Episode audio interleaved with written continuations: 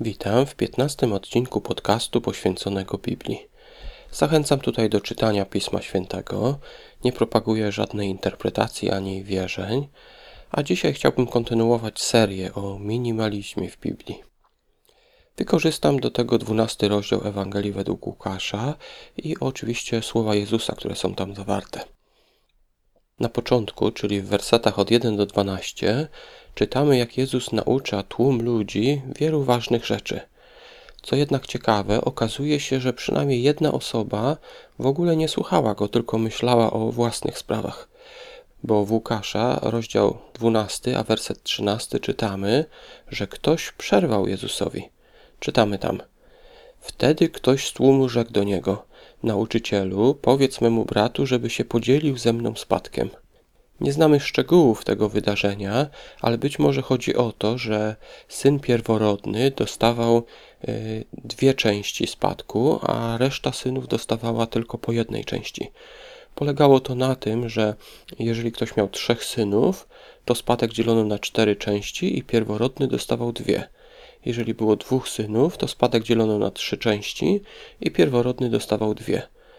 Być może tutaj temu człowiekowi chodziło o to, że jego brat dostał dwie części, a on chciał, żeby podzielił się z nim równo. Nie wiemy dokładnie, czy tak było. W każdym razie werset 14 to odpowiedź Jezusa. Lecz on mu odpowiedział: Człowieku, któż mię ustanowił sędzią albo rozjemcą nad wami? Krótko mówiąc, Jezus postanowił nie mieszać się do tej sprawy. Ale kolejne wersety od 15 do 21 wskazał na problem, który miał ten człowiek i być może wielu innych ludzi, którzy słuchali go tego dnia. Kolejne wersety 15 do 21 Jezus opowiedział przypowieść o bogaczu. Była ona skierowana do tego człowieka, który myślał tylko o bogactwie, ale być może także do innych osób. Wspomniał tam o pewnym bogaczu, któremu tak dobrze obrodziło pole, że musiał zniszczyć swoje stare spichlerze, zbudować nowe.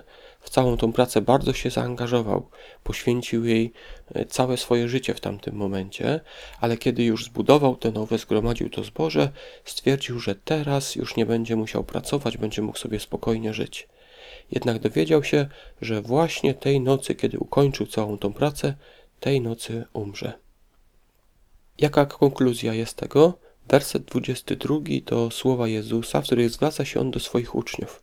Czytamy tam. Potem rzekł do swoich uczniów: Dlatego powiadam wam, nie troszcie się zbytnio o życie, co macie jeść, ani o ciało, czym macie się przyodziać.